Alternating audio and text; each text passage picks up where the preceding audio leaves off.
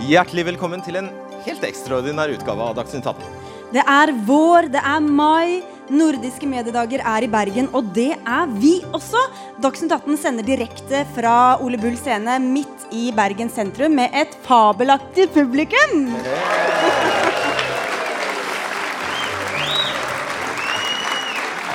Sånn skulle det vært hver dag! Vi stiller bl.a. disse spørsmålene i dag. Høyre-medlemmer er mye mer skeptiske til mediene, altså oss, enn Arbeiderparti-medlemmer. Har du grunn til det? Har regjeringa sviktet Hordaland? Går alle veipengene til Østlandet i stedet for til Vestlandet? Hmm. Bør konfirmanter kunne reservere seg mot de mest konservative prestene? Og fortjener vinnerne i sykkel-VM kyss på kinnet av lettkledde kvinner på podiet? Slitne, da. Veldig slitne. Kanskje har vi flere svar om en time? Vi får håpe det.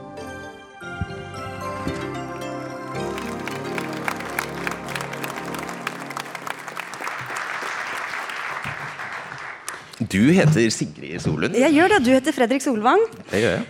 Er det én ting bergensere og journalister har til felles, så er det at vi er veldig opptatt av oss selv. Og hva er da mer naturlig enn å starte med den årlige medieundersøkelsen som pleier å bli lagt fram her i Bergen i mai. Og hva er da mer naturlig enn å ønske velkommen til han som står bak undersøkelsen, erkebergenser og professor ved Institutt for sammenlignende politikk ved Universitetet i Bergen, Frank Aarebrot. God dag. Så skal jeg bare smette inn at, og forklare hvorfor disse to vakre menneskene sitter her. De skal få slippe til aldeles straks, Hadia Tajik og Torbjørn Røe Isaksen.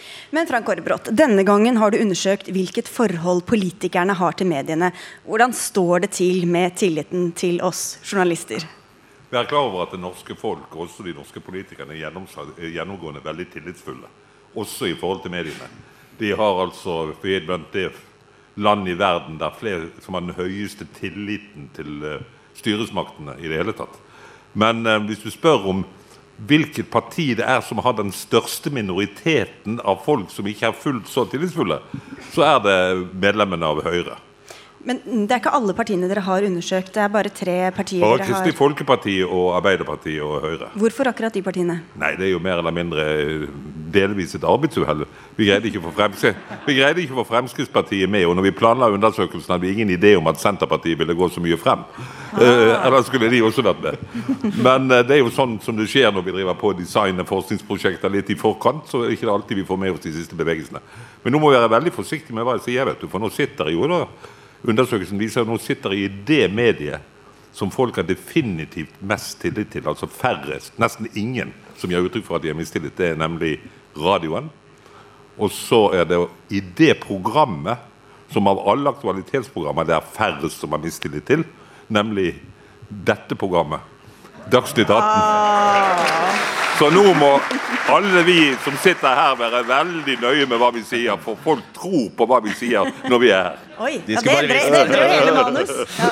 Du, var, eh, Finnes det en hovedårsak til at denne mistilliten er størst blant Høyre-medlemmer?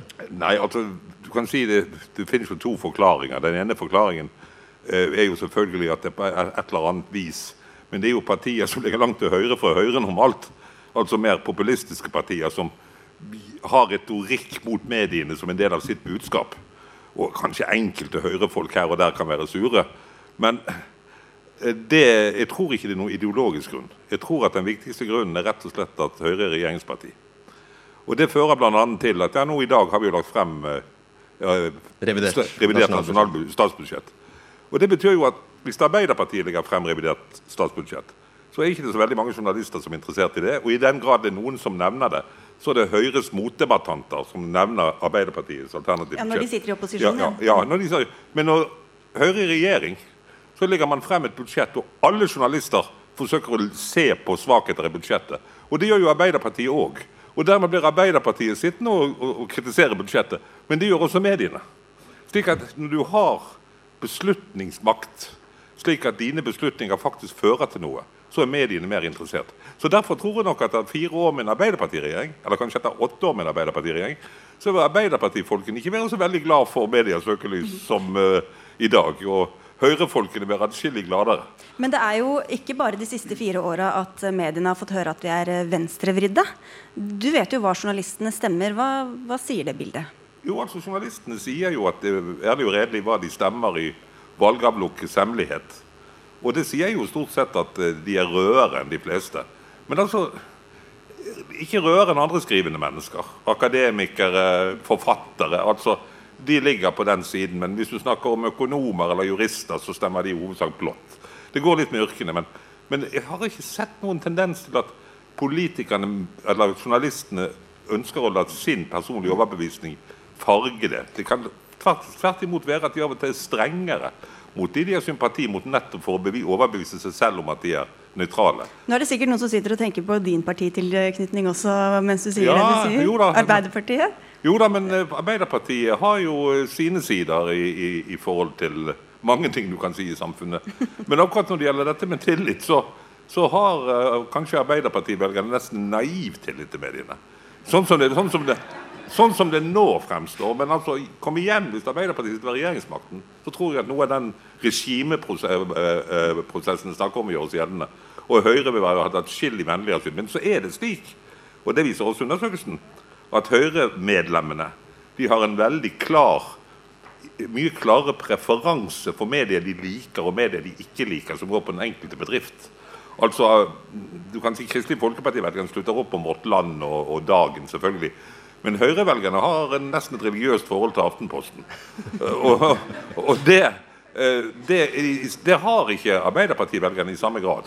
Så finnes det også ett trekk du ikke har nevnt eh, så langt. og det er at eh, Alle de tre partiene du har undersøkt, faktisk føler, føler at deres hjertesaker ikke blir prioritert godt nok i media. Ja da, og det, de mener alle sammen at det er saker som de ønsker at skal prioriteres mindre, som da blir, som da blir prioritert for mye. Altså, medlemmene av disse tre partiene er en ting til felles. De, vel, de sier vel egentlig indirekte, i hvert fall sier undersøkelsen det til meg, at de har en sånn oppfatning av at det er mediene som driver innvandringsdebatten. på en måte, Altså at Frp og mediene. Fordi at mediene overeksponerer mm. innvandringsspørsmål mener da både KrF-medlemmene, Høyre-medlemmene og Arbeiderparti-medlemmene. Du, Nå skal vi takke av deg, Frank Aarebrot, eh, og få inn uh, Høyres uh, gud, hadde jeg nær sagt, Aftenposten. Men tusen takk for at du kom. takk skal du ha. Gudinne blir det. Gudinne blir det. Gudinne. Kunnskapsminister og Høyremann Torbjørn Røe Isaksen, er dere blitt litt paranoide og føler at alle er ute etter dere nå etter fire år i regjering?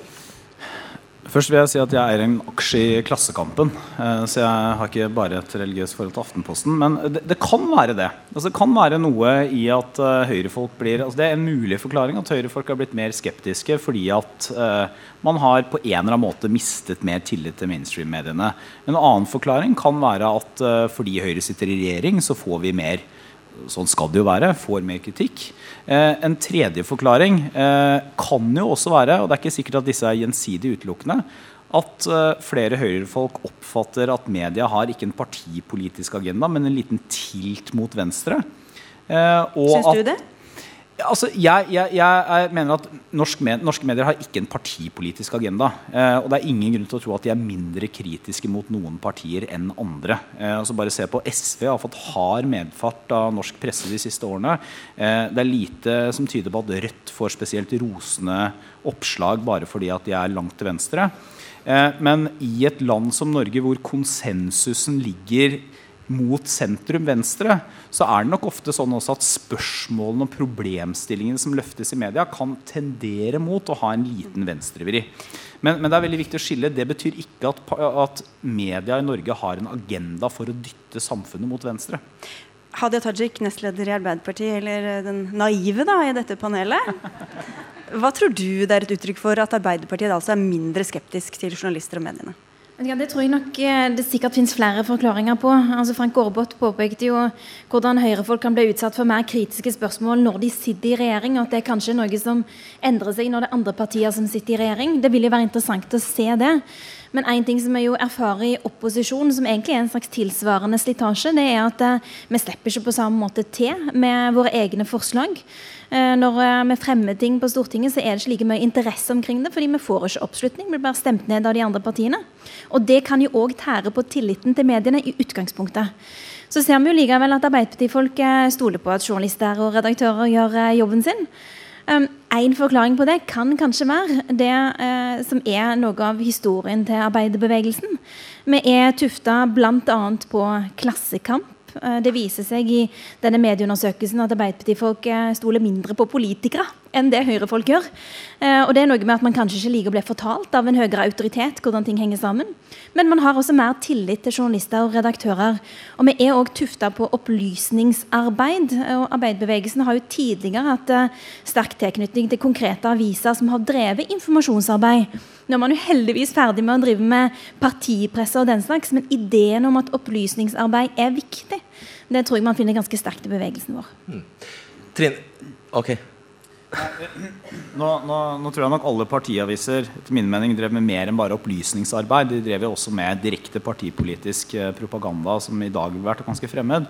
Men, men, jeg tror nok også, eller det hadde vært interessant å høre hva Tajik mener om det, om kan det også være at flere Arbeiderpartifolk rett og slett kjenner igjen eh, sine eh, verdier, vinklinger, sine problemstillinger altså i norsk presse. Enn, at, at, ståstedet passer mer med hvordan Arbeiderparti-medlemmer som jo har spurt her, oppfatter at verden er, enn det Høyre-medlemmer gjør. For det er jo sånn de svarer i hvert fall på disse målingene. Jeg er jo utdanna journalist egentlig, før jeg ble politiker. Og det spørsmålet jeg fikk nå fra Torbjørn Røe Isaksen, tror jeg er det man kan kalle et litt ladd spørsmål. Uh, og for å si det sånn, Når jeg har vært i ulike redaksjoner og jobba som journalist, så har jeg opplevd at det har vært en veldig sterk bevissthet hos journalistene om at selv om de ikke tilhører et parti, så har de likevel et ståsted. Og man snakker, ganske mye om ståstedet sitt og utgangspunktet for uh, de premissene som, uh, som, blir lagt i et spørsmål, og tilnærmingen man har til ulike saker. Så jeg opplever jo at journalister gjør det som må til for å stille politikere til veggs, uansett hvilken tilhørighet de har. Og da var det gudinnens tur, Fredrik. Ja, jeg prøver meg igjen. Trine Eilertsen, politisk, politisk redaktør i Aftenposten. Man skulle jo kanskje tro at eh, Fremskrittspartiet hadde hatt interesse av å delta i den undersøkelsen til Aarbrot, fordi de ofte framstår som eh, kanskje mest kritiske til eh, og men ønsket jo en gang ikke det. da. For Høyres medlemmer er det altså snakk om ganske stor mistillit. Hva tror du det kan komme av? Ja, jeg, jeg syns ikke mistilliten var så stor, men jeg tror nok at, uh, at, en del av det vi har vært inne på, det at Høyre sitter i regjering og at en del Høyre-velgere føler at uh, pressen er særlig kritisk mot Høyre og uh, over grensen til negativ. Men det husker jeg rett før valget i 2013. Uh, da jobbet jeg i NRK. Og da tror jeg Det var tider, det. Det var tider, det. vet du. Da, da hadde jeg kanskje hatt mer tillit hvis jeg hadde jobbet der. Men da, da, jobbet, da fikk vi jo telefoner daglig fra regjeringsapparatet som klaget på vinklingene vi hadde da, som mente at vi var altfor negative og kritiske til Arbeiderpartiet. Vi måtte utfordre Høyre mye tøffere i den valgkampen. Så jeg tror, altså Det er jo en del av dynamikken. De som sitter med makt, de blir jo alltid utfordret mye mer og skal utfordres mye mer. Men er det sånn at høyresiden, også Høyre inkludert, eh, prøver å utnytte den mistilliten de, til, til pressen blant folk? Altså, de har sett eksempler på blant Frp, statsråder og politikere der de har eh, gått altfor langt i å snakke om eh, fake news når de er uenige med vinkling. Det har du sett i andre partier enn en Frp også. sett det over hele skalaen der det kommer en sak som de er ikke liker vinklingen på, og ikke liker konklusjonen og tittelen på, og så kaller de det for fake news, for det er liksom tidens sang, eh, som jo under, bidrar til å undergrave tillit til mediene. Så jeg mener det er veldig destruktivt hvis vi skal snakke om å ha en felles offentlighet. Du nikker diskré her, Torbjørn Risaksen, men tror du det finner gjenklang i, i deres medlemmer også? Uh, jeg, jeg, tror ikke en uh, sånne frontalangrep på selve fundamentet og ideen om at norsk presse prøver å være objektiv og nøytral. Eh, og prøver å, å, eh, skjøtte sin samfunnsoppgave på en god måte. Finne gjenklang hos særlig mange Høyre-medlemmer. Eh, men jeg tror, og det, det svarer jo Høyre-medlemmene i den undersøkelsen, at de mener at, at, Høyre får dårligere behandling enn andre partier. Jeg er ikke helt sikker på om det er riktig. Og i hvert fall ikke når vi ikke er i regjering. Men jeg tror nok mange Høyre-medlemmer, og det gjelder nok meg også, mener at norsk offentlighet, inkludert pressen, er tenderer mot å være litt mot venstre. Altså noen unntak, selvfølgelig. Men det er en veldig veldig avgjørende kritisk viktig forskjell eh, på å diskutere pressen, diskutere vinklinger, kilder, fakta. Og det å gå til frontalangrep på selve fundamentet for en fri presse. Og det å kalle norske redaksjoner for produsenter av fake news, det er feil, og det er skadelig. Mm. Tajik, det ville være forunderlig om ikke altså, Jeg kan veldig raskt referere tallene her. Journalistene stemmer altså slik. 33% Arbeiderpartiet, 12,2 til SV, 8,3 til Rødt og 8,1% til MDG. Langt over 50% bare SV, Arbeiderpartiet og Rødt. Altså vil det være underlig om ikke dette på, noe, på noen vis gjenspeiltes i den journalistikken vi bedriver. Altså jeg forutsetter jo at journalister diskuterer ståsted, ståstedet sitt og har en bevissthet omkring dette. her. Eh, og eh, jeg skulle vel også kanskje ønske at det kunne vært enda mer kritiske overfor hverandre og hverandres redaksjoner, og gjerne også utfordre hverandre på dette. Men jeg vil gjerne legge til at poenget til Trine Eilertsen om at man ser at det er fremstående politikere som uh, altså, går i klinsj med den frie, uavhengige pressen og kommer med karakteristikker av dem som produsenter av fake news, som vi har sett flere eksempler på. Det er svært alvorlig.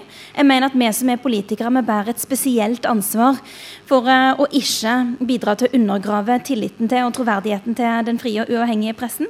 Men vi har sett altså den tidligere justisministeren Anders Aanesen brant Tønsberg Blad fordi han var okay. uenig i det, det de skrev. Per-Willy Amundsen karakteriserte Nordlys som Pravda fordi han ikke likte det de skrev. Uh, Kjetil Solvik-Olsen har en egen blogg, og det er hele begrunnelsen ja. Nei, men Torbjørn Røe Isaksen er her.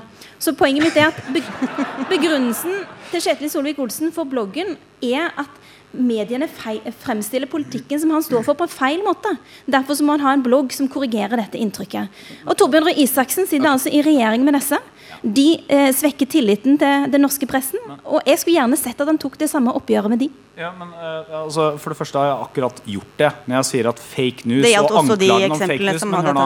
Altså, og dette er nettopp det skillet mellom uh, snørr og barter som er helt avgjørende.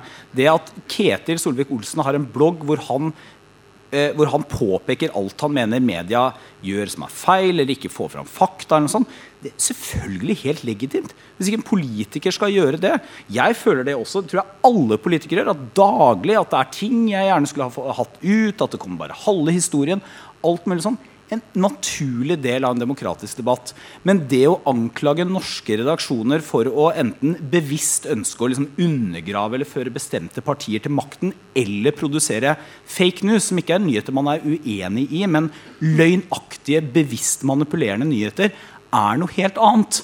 Ok, Trine Eilertsen, til slutt her. Eh, det er vel også sånn at de som dekker politikk og økonomi, ikke er så skjevfordelt eh, som resten av journaliststanden, hvis jeg husker disse undersøkelsene rett? Ja, altså det har vært gjort undersøkelser i Stortingets presselosje bl.a. som viser at ikke de er så tung vekting over på, på den røde siden. Men det som jeg synes er altså, interessant i den undersøkelsen vi har snakket lite om, det er jo alt det som eh, partimedlemmene sier at vi ikke dekker, som de er opptatt av. Og der tror jeg du kan finne en del av forklaringen på holdningene til mediene. Si at du er en småbedriftseier eller jobber i en bedrift med ti ansatte. Eh, og har mange problemstillinger som vi skriver og, og omtaler altfor lite, for det gjør vi. Og du har kanskje et ståsted i Høyre da, og sier at det snakker de aldri om, men de snakker ufattelig mye om skatt og de rikeste og forskjeller og ditt og datt. Og det angår ikke min hverdag. Så det, alt det vi ikke dekker, tror jeg også påvirker holdningene til, eh, til, til mediene. Fordi at folk opplever at det ikke er representativt for det de er opptatt av i sin hverdag. Da får dere skrive om det i Aftenposten, og så plukker vi det opp i Dagsnytt 18, Fredrik. Takk skal dere ha, alle tre, for at dere var med. Dagsnytt 18 alle hverdager kl 18.00 på NRK P2 og NRK2. I dag la finansminister Siv Jensen fram revidert nasjonalbudsjett, som nevnt, under vignetten 'Flere jobber, bedre velferd og en trygg hverdag'. Du er med oss fra Oslo, finansminister Siv Jensen fra Fremskrittspartiet. Hva tror du de 124 000 som i dag ikke har et arbeid å gå til, føler når du hevder regjeringen fremmer arbeid, aktivitet og omstilling?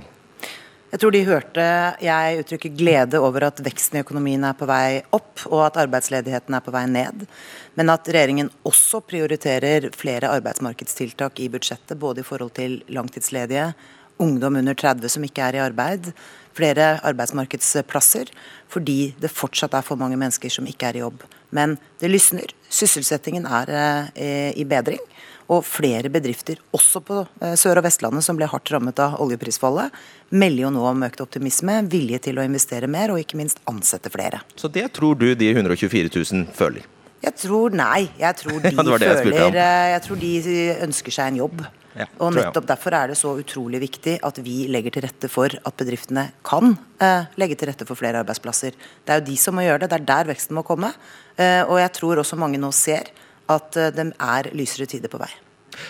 Det har vært veldig mye, du, det har vært en konflikt rundt uh, hvilke tall som er mest relevant å, å, bruke. og Du sier nå at arbeidsledigheten går ned. Samtidig så er det altså en kjensgjerning at den såkalte sysselsettingsandelen den går eh, ned. Og Det betyr at det rett og slett blir færre jobber.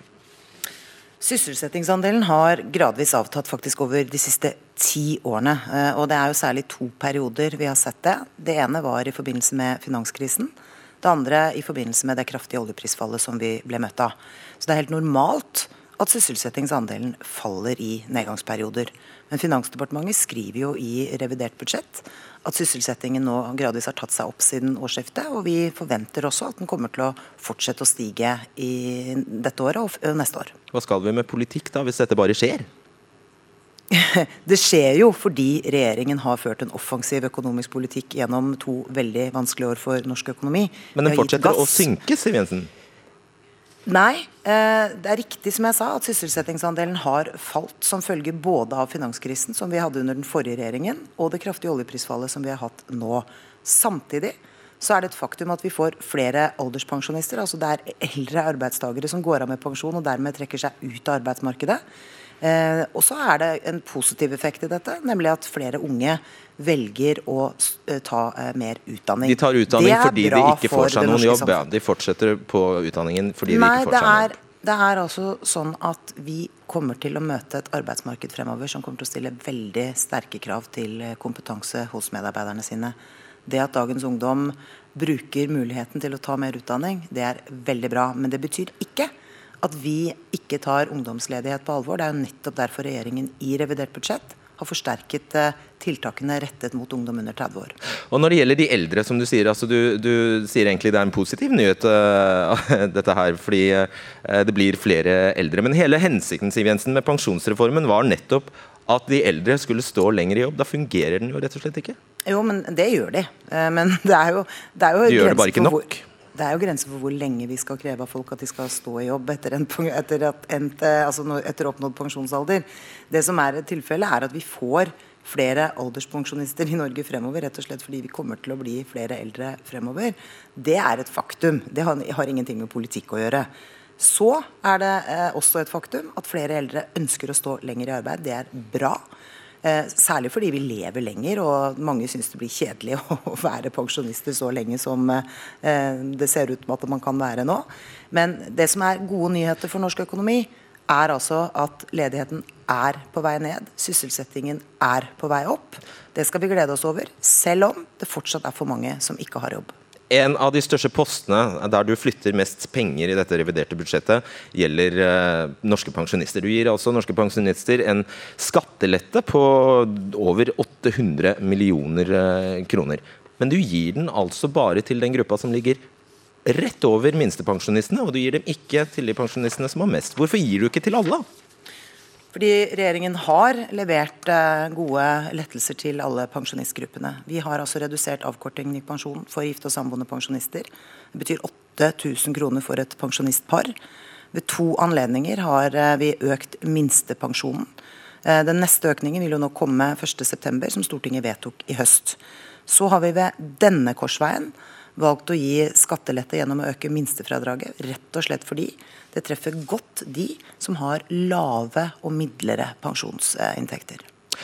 Du kunne i stedet Siv Jensen, i stedet for å skåre politiske penger hver eneste budsjettrunde når du bevilger ekstra penger til pensjonistene, så kunne du ha foreslått en regelendring. fordi du, eh, du, Årsaken til at du gjør dette, er nettopp at du syns det er urettferdig at pensjonistene skal underreguleres. Altså at de skal få min I år, da eh, reallønnsveksten for oss andre blir mager, så får pensjonistene enda mindre. Det er det du vil til livs. Så hvorfor foreslår du ikke en lovendring i stedet? For det første så prøver ikke jeg å score politiske poenger. Jeg prøver å løse hverdagsutfordringer for uh, ulike grupper i vårt samfunn. Det må, være mulig, det må være mulig programleder å gjøre flere ting på en gang, men det er kanskje en mer velkjent øvelse for oss kvinner enn det er for dere gutter. Da. Oh.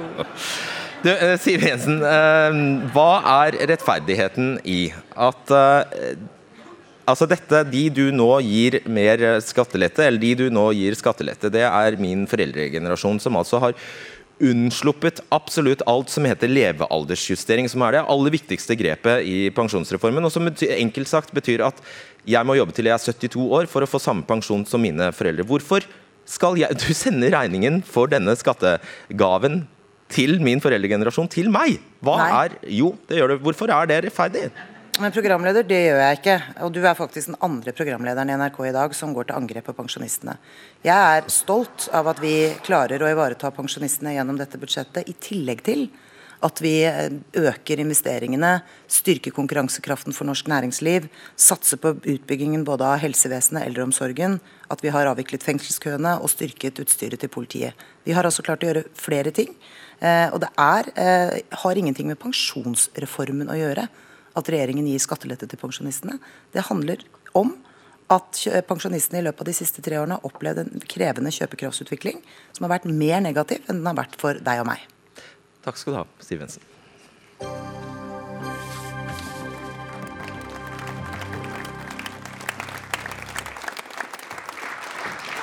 Prester i Den norske kirke kan reservere seg mot å vie par av samme kjønn. Men hva hvis noen ønsker å reservere seg mot de samme prestene? Ungdommer som skal konfirmere seg, har ikke mulighet til å velge bort konservative prester. Det har Ungdommens kommunestyre UKS i Askøy kommune utenfor Bergen forsøkt å gjøre noe med. I mars vedtok de at konfirmanter på Askøy skal få reservere seg mot å bli konfirmert av prester som har reservert seg mot å vie homofile. Det kunne vi lese i Bergens Tidende for noen uker siden. Ideen kom opprinnelig fra en ungdomsarbeider i kommunen, men dere fulgte altså opp UKS-ordfører Solveig Hillestad. Hvorfor er denne reservasjonen en god idé? Eh, fordi at Tenk deg en eh, ung homofil kristen gutt som eh, skal konfirmere seg i kirken. Eh, kommer til kirken, og denne presten, som han i teorien burde få lov til å kunne se opp til, sier at hans kjærlighet er en synd. Eh, det kan ødelegge hele den fine konfirmasjonstiden som ja, er viktig for alle. Du sier at du ikke tenkte så mye på det da du konfirmerte deg for et par år siden. Men eh, hva har andre konfirmanter sagt til deg om dette? De sier at disse konservative prestene det er en faktor når de skal velge om de vil konfirmere seg kristelig eller borgerlig. Eh, De sier at det er sårt dersom de velger å konfirmere seg eh, kristelig. eh, Å komme inn i kirken, stille spørsmålet ok, hva syns du om eh, homofile, og så få vite at nei, du, det mener jeg er en synd. Jeg mener at din kjærlighet eh, er gal. Jonas Espelid, du er medlem av arbeidsutvalget i Ungdommens eh, kommunestyre på Askøy. Du er selv konfirmert borgerlig. Eh, Hvorfor engasjerer du deg i denne saken?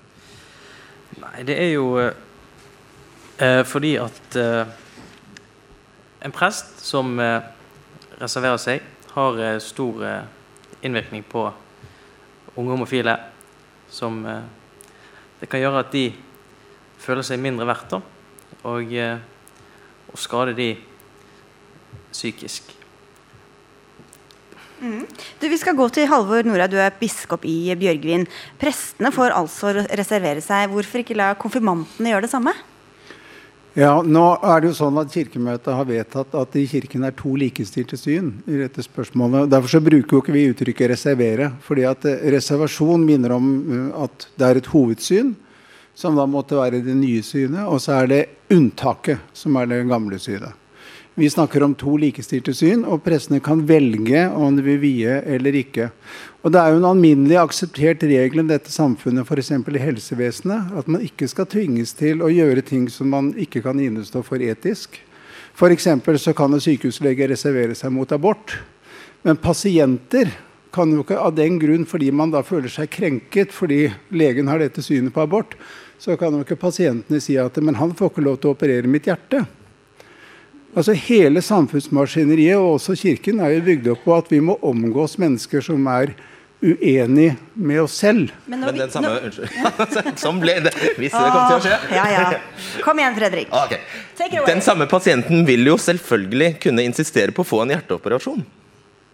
Ja, men altså her er poenget det at eh, en pasient kan ikke reservere seg mot en lege fordi legen har meninger og også en praksis i et annet spørsmål som vedkommende ikke liker. Men, men de skal jo ikke Og- diskutere hjertet med legen. altså Da er det snakk om en, en, en operasjon. Her er det jo snakk om noen som skal drive sjelesorg, utviklingsarbeid osv. Og, så og det er ingen prester på Askøy som ikke har det synet som er det konservative synet, da. Jo, men altså Kirken har sagt at i dette synet er det to legitime oppfatninger. Og konfirmanter risikerer jo uansett å møte folk som er uenige med seg. Det finnes også konfirmanter som har et konservativt syn, som kan bli konfirmert av en prest som har da et liberalt syn. Og Jeg hørte jo i dag om noen som sa det at eh, vi skal ha begravelse, og den presten som vi har fått, har vier homofile. Derfor vil ikke vi at vedkommende skal være prest i vår begravelse. Og sånn har man det gående. Men eh, Jonas Espelid, vet dere og, og Helstad, vet dere at det er skader eller er vondt for unge konfirmanter som ønsker liberale prester? Ja, Gjerne ikke bare for konfirmanter, men det er en undersøkelse som ble gjort av eh, University of California med 3000 homofile og biseksuelle. Der eh, 21% av de sa at de har planer om selvmord, og 12 har sagt at de har prøvd selvmord. Så det har jo selvfølgelig en, eh, en innvirkning på, på folk. Men har dere eksempler på at de er blitt møtt med holdninger de, som, som er vonde for dem av disse prestene? Eh, Jeg personlig hadde en diskusjon med min konfirmasjonsprest, eh, der han sier det at homofili er en synd. Uh, og Da var jo flere som sto rundt der. Uh, og i dag så vet jeg det at en av de har kommet ut av skapet og sier at han er homofil. Eh, da kan jeg bare tenke meg hvordan det var for den personen da å stå der og høre at denne presten som skulle gi dem Guds velsignelse inn i voksenlivet, sier at den personens legning er en synd. Hvordan tror du det er noe for dem? Ja, For det første så er jeg glad for at ungdom har et engasjement i, dette, i denne saken. Det er jo helt åpenbart. Og veldig mange deler jo den oppfatningen som de jeg snakker med her, har. Men hold deg til det de sier, da. Ja, men altså, det er jo viktig å si først. Eh, Og det, og det andre jeg, jeg vil si, er at jeg har aldri hørt noen prest si at homofili er synd. Det man eh, eventuelt snakker om, det er eh, Men det å leve Men stoler du ikke på at hun sier Altså, at hun nei, hørte altså det? det som, nei, jeg tror at det denne presten sa, det er at homofilt samliv er imot Guds vilje og derfor synd. Og Det er det mange prester som mener. Og de mener også da at eh, homofilt ekteskap ikke er rett. Men at legningen i seg selv er synd, det har jeg ennå ikke hørt noen prest si. Men de, de som er homofile av legning, ønsker jo kanskje å finne noen å bo sammen med og Ja leve da. sammen med. Ja. Så hvis Og Derfor er det jo også slik ikke sant, at det er jo veldig mange også i Kirken som, som mener dette. Og nå har jo eh, Kirkemøtet åpnet for det, at homofile kan gifte seg. Og det, her har det skjedd en veldig holdningsendring i løpet av 20-30 år, som det også har gjort ellers i Men ikke på Askøy, for der er alle de fire sogneprestene Nei, altså- konservative. Så hva skal de unge, om de er homofile eller ikke, men som ønsker å møte noen de kan ha en samtale med som de opplever som meningsfulle og ikke fordømmende, hva skal de gjøre? Jo, men Det må kunne gå an å snakke med noen som man ikke er enig med, uten å kjenne seg fordømt. Altså, det er det jeg ikke helt forstår. Dette at Man opplever det som så veldig krenkende at noen mener annet enn en selv i dette spørsmålet. Jeg tror, og jeg vil i hvert fall si til alle prester, at alle homofile må bli møtt med respekt og åpenhet for den, for den de er. Og vi må jo også kunne støtte valg de tar som ikke vi nødvendigvis er enig i. Når er kanskje Stikkordet nettopp er det du sier 'mener det samme'. Fordi For en homofil så er det jo ikke snakk om å mene noe om saken. Man er det. Ja. Men det er også sånn at en homofil har Men det er jo også sånn at en homofil har, har valgfrihet til hvordan vi jeg forvalte min egen seksualitet. Vil jeg leve sammen med noen homofilt? Vil jeg gifte meg, Ja, eller er vil jeg ikke? Om du, du kan velge om du vil Ja, leve, man kan leve velge. ut. Det, det er klart at det, Mitt poeng er at homofil legning er ikke synd, og det tror jeg aldri noen prest har sagt. Og, men eh, ja, vi må avslutte snart med Hillestad. Er det, er det ikke sånn at man som ung også da har godt av å bryne seg, møte noen som man ikke alltid bare er enig med, sånn som eh, Nora var inne på da? Jo, så klart. Eh, forskjellen er bare at en konfirmasjonsprest har en stor innvirkning på livet til en konfirmant. Dette er en person som skal lede det inn i voksenlivet. Det er ikke bare en tilfeldig person som du streifer forbi. Jonas, det kan jo, Er ikke dette en konstruert problemstilling? Altså, nå er det helt sikkert ikke veldig langt til nærmeste kommune, og det er ikke noe menneskerett vel å få konfirmere seg i, i hjemkommunen? Nei, eh, det er det ikke, men eh, Men er det, et, er, det, er det et praktisk og reelt problem, eller er det et prinsipielt eh, problem? det er jo egentlig begge deler. Uh, Ja, er det egentlig det? Er det et praktisk problem? Ja, nå, eh, Biskopen sier jo at det er forskjellige meninger, og at man må forholde seg til det. Men eh, det er jo rett og slett diskriminering pga. seksuell legning. Ja, det, det, det jeg bare lurte på var om de kunne dra til en Ja, nabokommune. man kan jo det, men det er jo òg homofile og allierte på Askøy som, eh, som gjerne vil konfirmere seg i kirken i sin egen kirke. Vi må avslutte, men bare helt på tampen, Nordhaug. fordi nå hører vi at noen kanskje velger å ikke konfirmere seg pga. Uh, denne situasjonen. Det må vel være ganske leit også? Det er ikke det du vil Nei, det vil, jeg, det vil jeg selvsagt beklage. Og jeg skulle ønske at vi kunne gå i dialog. Og jeg vil gjerne komme til Askøy og snakke med konfirmanter om dette spørsmålet. Både med konfirmanter og prester. For dette er jo faktisk en viktig samtale. men du vil ikke ansette en liberal prest eh, som av en av de fire? Nei, altså vi, vi, vi driver jo ikke og sender vikarer pga.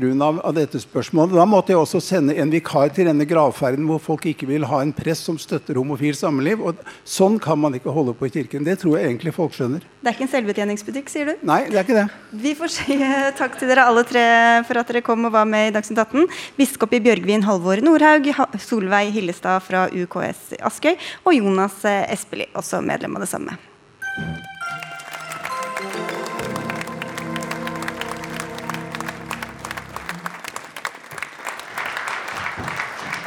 Pengene til vei og bane går til Østlandet, mens Hordaland taper.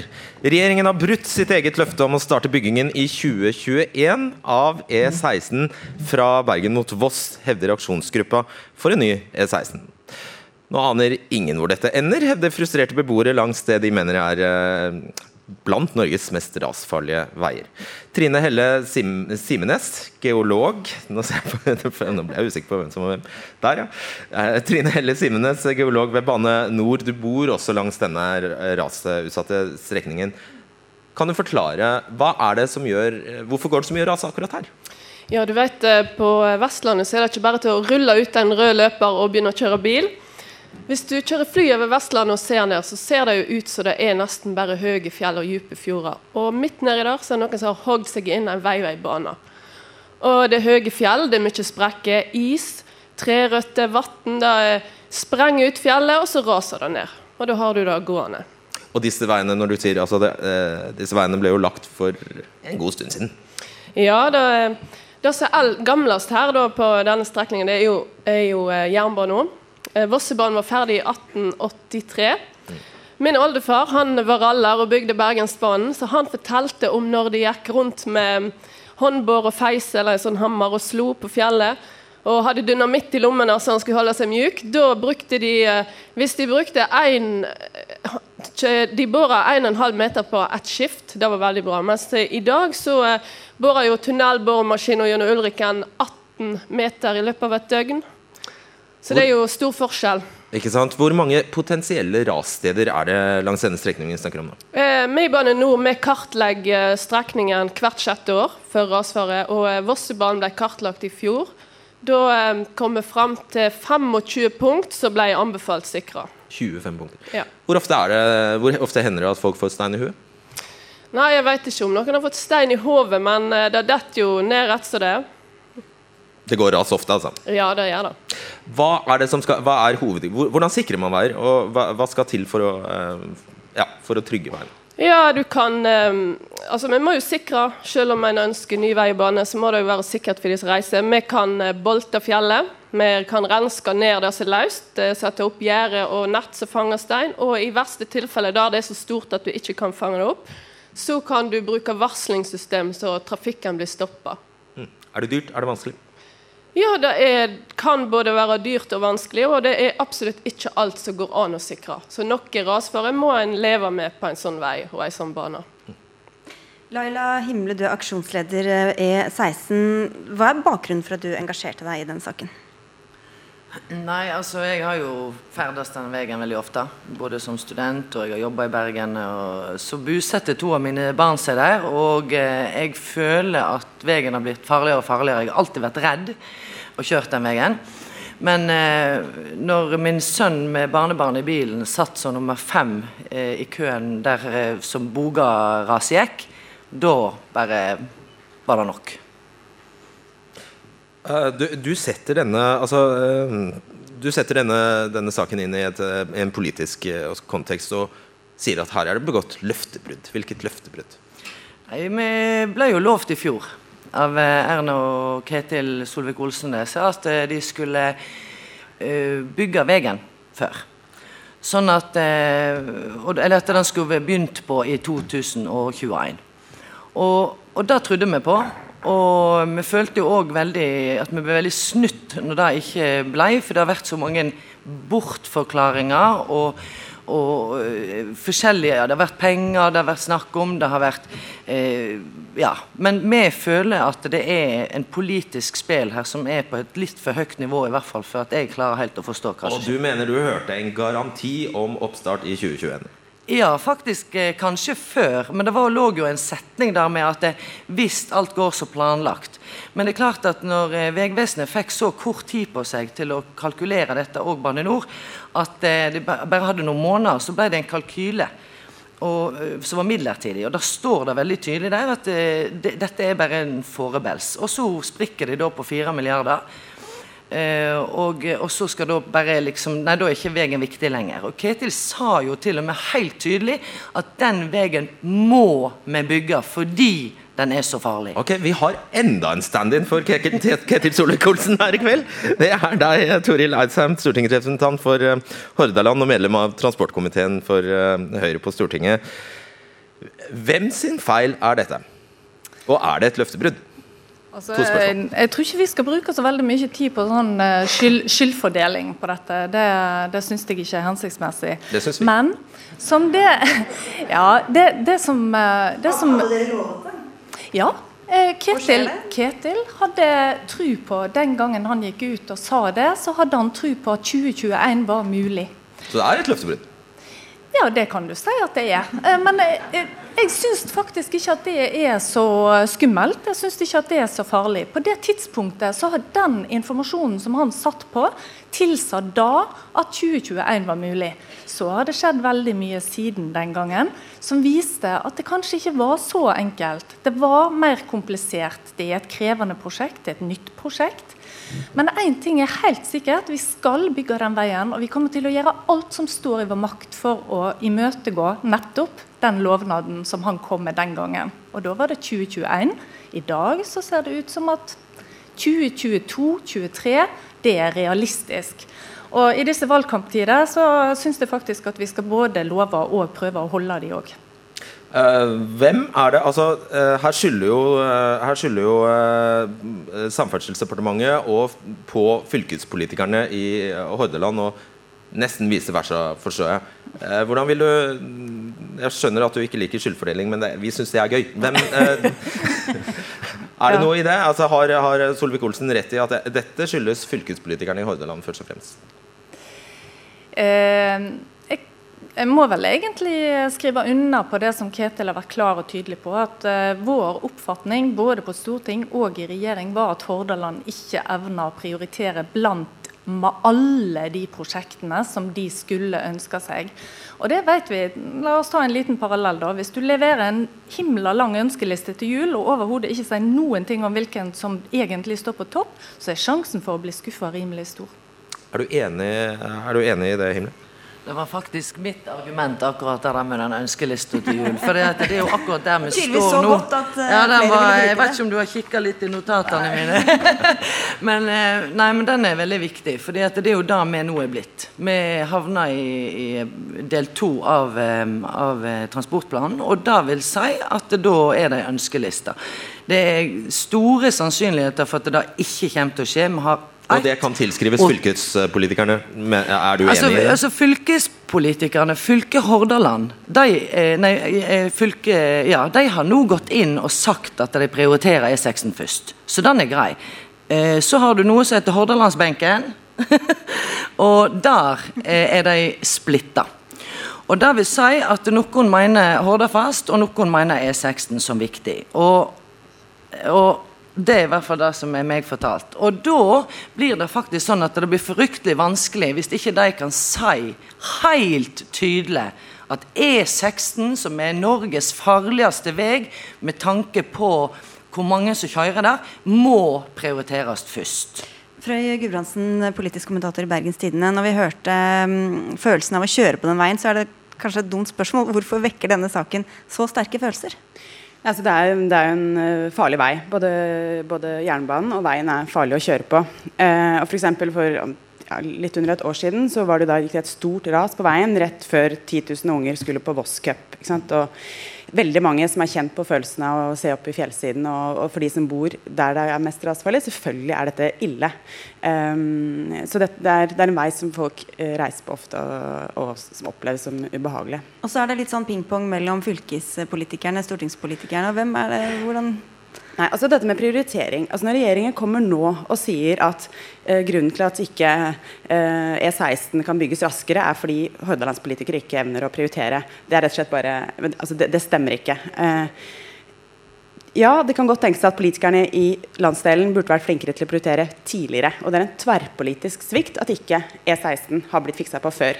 Men nå så er det rett og slett ikke dette grunn, altså En samferdselsminister, hva er det hans jobb er? Det er jo nettopp å foreta prioriteringer når det er vanskelige avveininger og ulike motstridende interesser.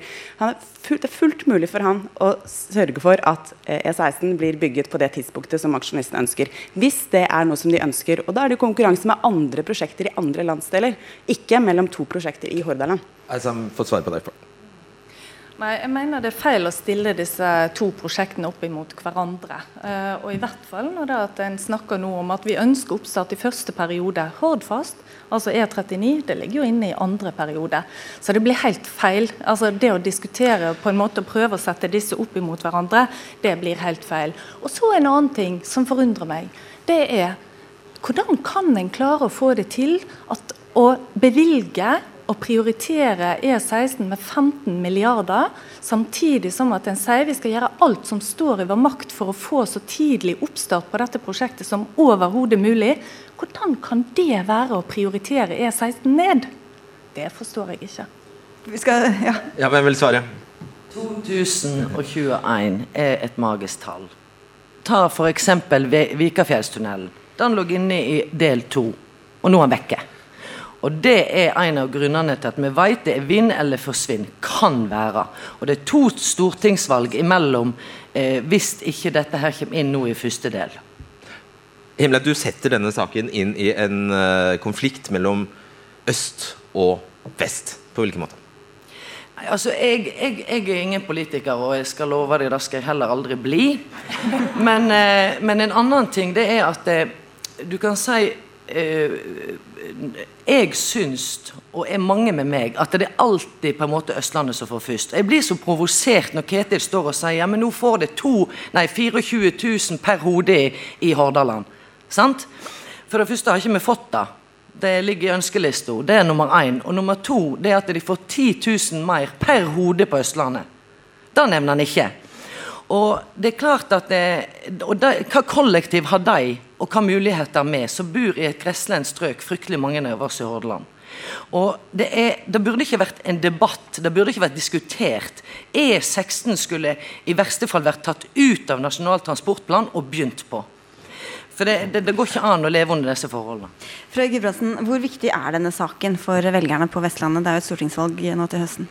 Altså, Vei er viktig på Vestlandet. Det har det vel alltid vært. Uh, men jeg tror altså Det som skjedde var jo at Da en, en nasjonal transportplan ble lagt frem, så eh, selv om regjeringen mener at dette var helt fantastisk, det, det da vestlendingene ble tilbudt, så eh, endte det opp med en følelse av skuffelse for veldig mange. Fordi man hadde fått lovnader om at veien kunne, særlig E16 kunne bygges eh, tidligere. Og så vet vi jo at eh, den andre viktige veien den har jo fått mer, eh, den, den er blitt dyrere enn venta. Men så da det ble lagt frem, så ble folk skuffa. Og det er en sånn farlig eh, følelse for regjeringen i et valgår, når folk sitter igjen og har trodd de skulle få mer, og så sitter man igjen og eh, Hva var dette å juble for? Dere lovsa jo 2021, nå må vi vente enda flere år.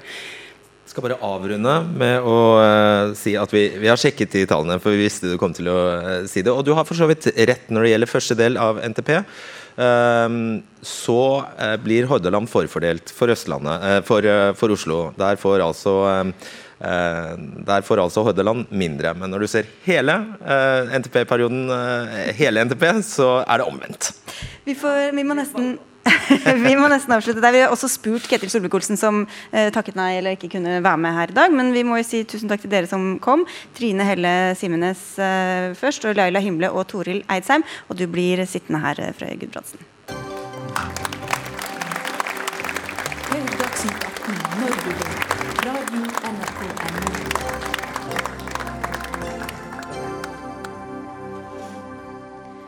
For i september står Bergen i sentrum for et av, en av verdens største idrettsfester. Da starter nemlig sykkel-VM her i byen. Men gleder bergenserne seg egentlig? I avisene hagler kritikken mot det mange mener er dårlig planlegging, stengte butikker, manglende sponsorer og mulig kaos på veiene. Før vi går dit, skal vi til et annet moment som har skapt både begeistring og sinne. For sykkelpresidenten vil fjerne de lettkledde podiedamene som er vanlig sør i Europa. De som kysser seierherrene på pallen. Og Harald Tidemann Hansen, du er president i Norges Sykleforbund. Hvorfor vil du ta bort disse deilige damene? Nei, Jeg syns vel egentlig at det er eh, litt, eh, litt eh, gammeldags. Er, jeg syns vi har kommet litt Jeg synes De blir satt fram som sånne gallionsfigurer, og jeg syns det ikke hører noe sted med. Det er en tradisjon som jeg syns er passé, rett og slett. Knut Knutsen, du er tidligere profesjonell syklist og vant OL-gull i 1972 på banen og er med oss på telefon fra Italia, der du bor akkurat nå. Du sier at du fjerner en del av sykkelkulturen med disse damene. Hva er det som er så kulturelt med lettkledde damer? Ja, lettkledde og lettkledde. Eh, vel, altså, nå har jo Norge fått eh, muligheten til å arrangere dette store eventet, eh, VM. Og i det så ligger det også en, at vi har fått eh, overrakt en, en kultur. En kultur hvor disse podiedamene har vært med fra, fra dag én. Vi snakker kanskje om 100 år tilbake. Eh, og Ikke de samme damene? det har vært litt ok, rett og slett. Å gå på podiet og få en blomsterkyss kyss av en, en pen dame. Uh, uh, Syns ikke det er så, så galt. Eh, at det er Norge som liksom skal være foregangsnasjon på å og skal endre på dette, for det kan være Vi syns det er litt patetisk og sånn. Det, det, det får jeg meg liksom ikke til å, å, å, skjønne. Jeg tror faktisk eh, norsk sykkelsport og Harald Tidemann, som jeg kjenner veldig godt, har eh, masse andre ting å, å tenke på enn å, å gjøre noe med disse foliedamene, som faktisk er en jobb. Så jeg er av den oppfatning at de må få lov til å være der. Eh, det er en flott sak for sykkelsporten. Hmm. Dere blir av andre også beskyldt for å skrote sykkelkultur for å gi etter for det som er politisk korrekt. Er det det som skjer? Nei, men eh, jeg synes det er noen tradisjoner i Det er mange tradisjoner i sykkelsporten, og noen av de syns jeg hører fortiden til, og dette er en av de jeg syns hører fortiden til. Eh, så eh, jeg, man fremstiller kvinnene på en negativ, syns jeg, måte.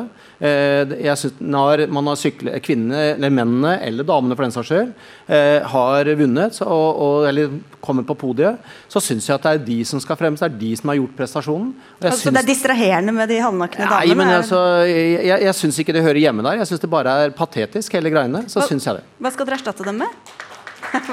Mange som er enig med deg i salen her. Ja, nei, jeg, jeg, det vi ønsker i, hvert fall i sykkel-VM, det er at vi, vi, vi har en god tradisjon vi vise, ønsker å vise fram norsk kultur. og Da er bunad det. Å kunne ha ungdom i bunadskledd, både damer og herrer, eh, det vil være en fin måte å kunne vise fram eh, en fin kultur som vi har i Norge. Og så må det reglene til UC, faktisk. Eh, vært i UC i går. For, for å få på damene klær? Nei, ikke for å få damene klær, men for i UCIs reglement så står det at det skal være damer. Eh, så, men det kommer en, jeg skal på styremøte i UCI i juni, og da blir det en endring. Da blir det nøytralt. Da skal det være både menn og damer. Ja, Knut Knutsen, hvordan tror du sykkelverden kommer til å se på at disse damene blir borte?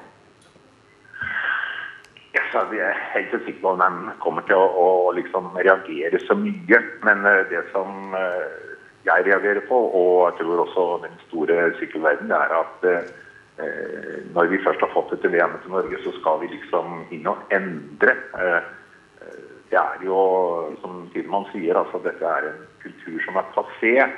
Eh, Tidemann, som var en glimrende syklist, sto på podiet og tok imot klem selv også, og syntes sikkert det var veldig ok, han også. Men det er jo ingen syklister som deltar i konkurransen for at de skal opp på podiet sammen med podiedame. De deltar jo for å komme på podiet og vinne sykkelløpet. Ja. dette, dette som har vært rundt sykkelsporten med disse podiedamene, eh, som har delt ut eh, her og der, det syns jeg har vært en, en, eh, en fin sak. Eh, Og jeg mener fortsatt at eh, det burde vi ha. og så få legge heller ressursene våre på helt andre ting. Og, og prøve å få et godt sykkel-VM i havn i Bergen. Noe som jeg er helt sikker på Harald Tidmann Hansen klarer med sin stab. Mm. Det, det er det vi skal snakke om nå. Vi må takke av deg, Knut Knutsen. Takk skal du ha. Eh, For det er nemlig et par uh, mer alvorlige saker kan vi si som uh, en podidamer som preger dette kommende VM-et også. og Det er derfor du fremdeles sitter her, Frøy Gulbrandsen i, i Bergens Tidende. Dere har skrevet mye om uh, kritikkverdige forhold rundt dette um, arrangementet. Bl.a. manglende informasjon og for dårlig, for dårlig involvering. Hva handler det om? Altså, eh, for det første, Jeg syns det er helt fantastisk med sykkel-VM til Bergen. Men altså, dette er en by der jeg tror det er 3% som eh, sykler til og fra jobb. Det er liksom den dårligste byen i landet. Eh, og eh, Når vi da skal arrangere sykkel-VM her, så er det, ikke, det er nok ikke alle som helt skjønner så mye av hvor stort dette er, og hvor, altså, hvor fantastisk det egentlig er. Eh, så jeg mener at, eh, og så Derfor så har det kommet litt eh, brått på, tror jeg, både politikere og i hvert fall befolkningen. altså Omfanget og hvordan det faktisk vil prege hverdagen da, selv om det bare er noen få dager, så er det litt sånn Ja, OK. Eh, jeg kan ikke kjøre verken inn eller ut. Eh, og det er vanskelig å finne, finne informasjon, da. Så det er egentlig det, er egentlig det som jeg syns er grunn til å stille størst spørsmål er liksom at det har vært for dårlig informasjon ut til befolkningen. Men hvorfor har du ikke informert bedre? Ja, Vi har jo hatt eh, en rekke informasjonsmøter hvor flere hundre faktisk næringslivsledere har for litt siden var deltok. Eh, det ble lagt ut eh, på løypene for eh, på over et halvt år siden. Eh, og så kan jeg da bruke denne anledningen til bergen2017.no. Der finner dere all informasjon. Men, men du, det er noe litt alvorlig her også. Det var en kronikk i Bergens Tidende som viste til en studie om at flere får hjerteinfarkt og hjertestans eh, i byene som avholder maraton enn ellers, og som ikke overlever. Ikke fordi at de deltar og blir eh, dør av det, men fordi de rett og slett ikke kommer fort nok fram til sykehus. Hvordan kan dere, eller kan dere garantere at alle som trenger hjelp, enten de skal føde eller er syke, ikke blir stansa av en flokk med syklister på veien ut i Haukeland? Ja, og det er grunnen derfor vi har lagt den planen der. For også sikre, jeg har veldig forståelse for transportbransjen som syns at dette er utfordrende. Eh, og det som er viktig, det, For oss har da utrykningskjøretøy vært prioritert i den planlegginga vi faktisk har gjort. Så utrykningskjøretøy har uansett, syklister eller ikke, prioritet. Skjer det noe, så er, blir syklister nøytralisert. De har, eh, utrykningskjøretøy har prioritet. Så, og, det, og, det, er jo lagt ut også flere da, legevakter rundt forbi for at de skal kunne håndtere sånne hendelser. Ja, og her handler det også om, altså, Når det gjelder involvering, så tror jeg nok en del um, Dette er delvis om manglende informasjon til de folk som blir usikre, og nettopp som da stiller disse spørsmålene er det faktisk egentlig trygt de dagene. Eh, men når det gjelder transportbransjen, så er det et eksempel på noen som burde vært involvert eh, på et tidligere tidspunkt. Altså fordi eh, Veldig mye ble jo lagt før søknaden ble sendt inn. Og så etterpå, og det å komme med innspill etterpå har vist seg veldig vanskelig. Så jeg tror nok at det har vært en slags strategisk feil, rett og slett. fordi da har man fått mer kritikk og mer usikkerhet i etterkant. Da, fordi folk har følt at de ikke var med å, å rett og slett bestemme hvordan det Blir det en muggen gjeng bergensere som uh, står her til å ta imot uh, syklistene? Nei, jeg tror ikke det. Uh, utelivsbransjen de sier jo nå at de tror de kommer til å tjene enormt mye penger. Så det kommer sikkert til å være fest og god stemning. Og uh, de som bor i den uh, laksebakken, som plutselig en av gatene i nabolaget mitt heter nå, er jo sikkert veldig, veldig happy med å stå der og heie. Så jeg tror det blir bra. Men det er en del usikkerhet. Og, og selv om dere føler at dere har gitt ut nok informasjon, så lurer folk på er det trygt å sende barna til skolene, skolen når det er syklister overalt? Eh, hvor kommer jeg til legevakten? Og kommer jeg meg på jobb? Så informasjonsbehovet er mye større enn det kanskje dere har trodd. Dere har noen måneder på dere, men vi, er jo, vi er jo definitivt klar over at eh, informasjonsbehovet er stort. Og, men, også, men, veldig mange av oss har liksom sett at dette er langt fram. Eh, men vi har jo da jobbet med dette i tre år og vet at det her overhodet ikke er langt fram. Og vi har et eh, enormt informasjonsbehov.